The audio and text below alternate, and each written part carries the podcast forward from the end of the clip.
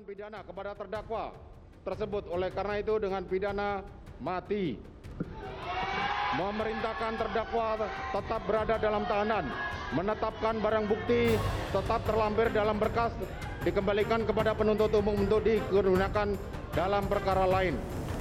Sorak-sorai ruang persidangan di Pengadilan Negeri Jakarta Selatan jelas terdengar kala Hakim Ketua Wahyu Imam Santoso membacakan vonis mati untuk terdakwa pembunuhan berencana Brigadir Nofriansah Yosua Huta Barat, Ferdi Sambo. Bukan hanya khalayak di persidangan, keluarga Brigadir Yosua di Jambi pun menangis haru mendengar putusan hakim. Ya. Tuhan kau dengarkan doa kami, makasih. Warna Bu udah masuk bang. Biasa Tuhan kami luar biasa. Ya Tante Roslin bang. Doa kami didengarkan Tuhan. Akhirnya. Namun jangan senang dulu, karena masih ada celah hukum yang bisa diambil kubu Ferdi Sambo untuk lolos dari putusan mati. Pakar hukum pidana Asep Iwan Iriawan menyebut ada dua celah hukum yang bisa digunakan Sambo untuk tetap bertahan hidup. Pertama, ketentuan pidana mati dalam KUHP yang baru dan Undang-Undang Grasi. Walaupun mungkin bagi saya juga rakyat Indonesia jangan dulu bergembira. Ya, kita sebenarnya syukur hukuman mati. Jadi Kenapa ramalan- tidak boleh bergembira, Kang Asep? Kenapa nggak boleh bergembira? Karena RAKHP yang baru mengatur kalau orang dijatuhkan hukuman mati, hukuman mati bisa berubah karena hukuman mati ini hukuman alternatif. Jadi tiga tahun nanti akan kemudian tiga tahun sudah berlakunya nanti 2025 ya. 2025. 25 itu KUHP yang baru itu berlaku itu disebutkan orang yang menjalani hukuman mati kalau sudah menjalani hukuman 10 tahun bisa berubah hukumannya. Menjadi? Nah, ya berubah bisa seumur hidup bisa 20 tahun. Kalau 20 tahun dapat remisi remisi remisi ujungnya Bisa mungkin bebas. perjalanan cuma 15 tahun. Jadi sekali lagi kepada teman-teman yang sekarang senang jangan senang dulu. Katakan ini kan ada banding. Betul. Anggaplah nanti dikuatkan oleh banding, tolak banding. Katakan dikuatkan kasasi ya atau juga melaksanakan PK pasti pasti dilakukan. Orang tidak mungkin tidak melakukan. Satu itu. Kedua, ada undang-undang gerasi. Gerasi itu mengatakan kalau orang dihukum mati mengajukan gerasi, eksekusi belum dilaksanakan. Jadi setidaknya ada dua undang-undang, undang-undang gerasi dan KUHP yang baru. Pasal 100 dalam KUHP baru yang akan diberlakukan tahun 2025 disebutkan bahwa terpidana mati wajib menjalani masa percobaan selama 10 tahun terlebih dahulu sebelum dieksekusi. Di pasal 100 ayat 4 disebutkan bahwa jika dalam masa percobaan terpidana menunjukkan sikap terpuji, maka pidana mati dapat diubah menjadi pidana penjara seumur hidup dengan putusan presiden atas pertimbangan Mahkamah Agung. Jalur hukum yang ditempuh tim penasehat hukum Verdi Sambo tidaklah berakhir di sini. Banding jelas akan diajukan. Namun apakah hasil akhirnya akan sesuai dengan vonis yang dibacakan majelis hakim di persidangan? Kita tunggu. Empat Turki telah tiba di Istanbul, Turki. Tim yang terdiri dari dokter ortopedi dan traumatologi, anestesi, serta dokter umum dan juga perawat ini akan melakukan misi kemanusiaan membantu korban gempa Turki. Setelah menempuh penerbangan selama 9 jam, sebanyak enam dokter dan perawat tim kemanusiaan Mercy tiba di Istanbul, Turki. Tim kemanusiaan Mercy tidak hanya mengirimkan tenaga kesehatan, tetapi juga membawa sejumlah peralatan operasi dan obat-obatan, sehingga sudah siap melakukan operasi di lapangan. Menurut Ketua Tim, Risa Rumastoro, di Istanbul, tim akan berkoordinasi untuk penempatan dan menambah beberapa obat-obatan. Tim dokter kemanusiaan Mercy terdiri dari dua dokter spesialis ortopedi dan traumatologi, Dr. Risa Dumastoro dan Dr. Nurul Kamaru, Kamaruzaman, dan juga dokter spesialis anestesi Dr. Wahyu Bimantoro, serta dokter umum Dr. Miati. Pemirsa Indonesia kembali mengirimkan tim bantuan kemanusiaan ke Turki dan Suriah untuk membantu percepatan penanganan pasca gempa. Tim bantuan yang dikirim pada Senin 13 Februari kemarin merupakan tim kesehatan yang terdiri dari 119 orang dan berikut kita simak laporan selengkapnya dari jurnalis MGN Ari Setia. bertempat di landasan udara Halim Perdana Kusuma Base Ops dilaksanakan pelepasan emergency medical team oleh BNPB.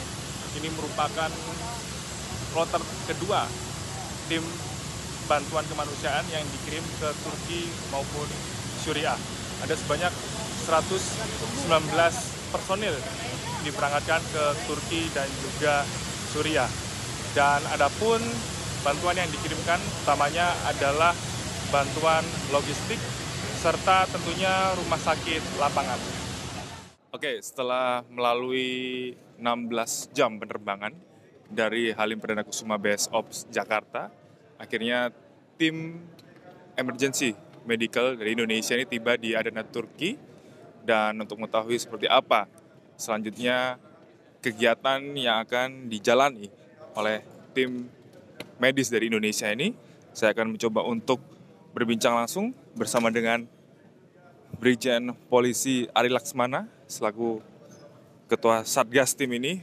Selamat malam Pak Ari. Ya, selamat malam Mas. Sebenarnya saya di dari BNPB, walaupun Ya. saya dari kepolisian, namun saya secara organisasi saya mewakili BNPB untuk membawa delegasi IMT yaitu em- Emergency Medical Team untuk eh, membantu korban bencana gempa bumi di Turki. Jadi tu- tugas saya adalah untuk membawa mereka ke sini, kemudian menyerahkan kepada Bapak Duta Besar. Nanti karena semua akan dikendalikan oleh Bapak Duta Besar Indonesia yang ada di Turki, bagaimana nanti mereka tim kesehatan-kesehatan ini, tim medis ini bisa berkolaborasi dengan seluruh unsur internasional yang ada dalam rangka membantu penanganan gempa yang kita tahu bahwa jumlahnya cukup banyak Terima kasih banyak Brigjen Pol Ari Laksmana sudah berbagi informasi. Pemirsa 73 penumpang dan 13 kru kapal Ekspres Priscilia 88 terjebak di tengah laut Teluk Tomini di Kabupaten Banggai, Sulawesi Tengah. Kapal diduga mengalami rusak mesin. Tim Basarnas Gorontalo hingga saat ini masih melakukan evakuasi terhadap 73 penumpang dan 13 kru kapal Ekspres Priscilia 88 yang terjebak di tengah laut Teluk Tomini, Sulawesi Tengah. Sebelumnya, kapal Ekspres Priscilia berangkat dari Gorontalo pada Senin siang dengan tujuan pelabuhan Bagimana, Kabupaten Banggai, Sulawesi Tengah. Namun di tengah perjalanan, kapal mengalami kerusakan pada bagian mesin. Tim Basarnas Gorontalo yang menerima informasi tersebut pada Senin malam terus melakukan evakuasi penumpang kapal. Tingginya ombak yang mencapai 2 meter menjadi hambatan bagi petugas untuk menuju ke lokasi. Para penumpang kapal dalam kondisi aman dan setelah berhasil dievakuasi, maka rencananya segera dibawa ke Pelabuhan Gorontalo oleh petugas Basarnas.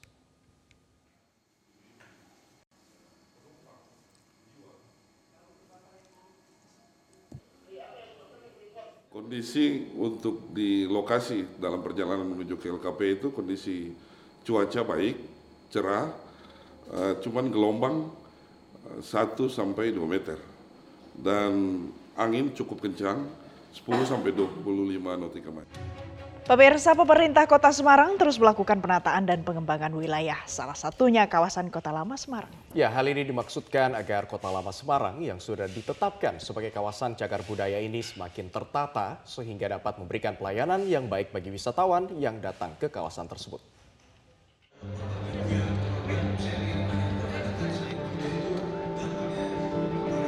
Wali Kota Semarang Heverita Gunaryanti Rahayu terus mendorong pengembangan kawasan Kota Lama Semarang melalui pemberdayaan masyarakat. Hal tersebut ia sampaikan saat menjadi pembicara pada Seminar Nasional Sinergitas Penetapan dan Pelestarian Cagar Budaya. Perempuan yang akrab disapa Ita tersebut membagikan pengalamannya saat mengajukan kawasan Kota Lama menjadi cagar budaya nasional. Kota Lama Semarang resmi ditetapkan sebagai kawasan cagar budaya peringkat nasional berdasarkan keputusan Menteri Pendidikan dan Kebudayaan nomor 682 garis miring P garis miring 2020 tentang kawasan cagar budaya Kota Semarang Lama. Kawasan Kota Semarang Lama terdiri dari empat situs yang mewakili perjalanan sejarah Kota Semarang sejak abad ke-15 hingga awal abad ke-20. Empat situs ini adalah Kampung Kauman, Kampung Melayu, Kampung Pecinan, dan Utstad yang menjadi wilayah tempat tinggal orang Eropa. Menurut Ita, menjadi kawasan cagar budaya membutuhkan proses yang panjang dan tidak mudah. Ita berpendapat bahwa pemahaman masyarakat tentang cagar budaya nasional saat ini kurang tepat karena hanya melihat dari aspek fisik saja. Untuk mewujudkan hal tersebut, maka diperlukan kolaborasi, memaksimalkan efektivitas pengelolaan kota lama, dan menghindari ketidaksesuaian dalam pembangunan. Kami pada saat itu orang berpersepsi kalau untuk kawasan cagar hanya bangunannya saja, tetapi ternyata begitu kami dicerahkan oleh tim ahli cagar budaya ini bahwa tidak harus kota di luar negeri pastinya berbeda dari mulai perawatannya, kepemilikannya dan sebagainya sehingga lebih ditonjolkan uh, value-value yang lainnya. Nah, kalau di kota Semarang ini adalah ceritanya tadi, cerita masa lalunya, storytellingnya gitu kan, yang uh, bagaimana bisa adanya kota lama, sebelumnya seperti apa, yang tadi namanya Semarang Lama. Dan kemudian yang manfaatnya pastinya kita akan bisa uh, menata, menata kembali kawasan-kawasan itu yang tadinya kan orang mengabaikan. Revitalisasi Kota Lama Semarang tidak berhenti pada perbaikan bangunan. Pihaknya menyebut PR besar jajarannya saat ini adalah menghidupkan roh dari kota lama, yakni aktivitas masyarakat di sekitarnya. Baik aktivitas di masa lampau melalui pengenalan nilai sejarah dan juga di masa kini melalui pemberdayaan masyarakat.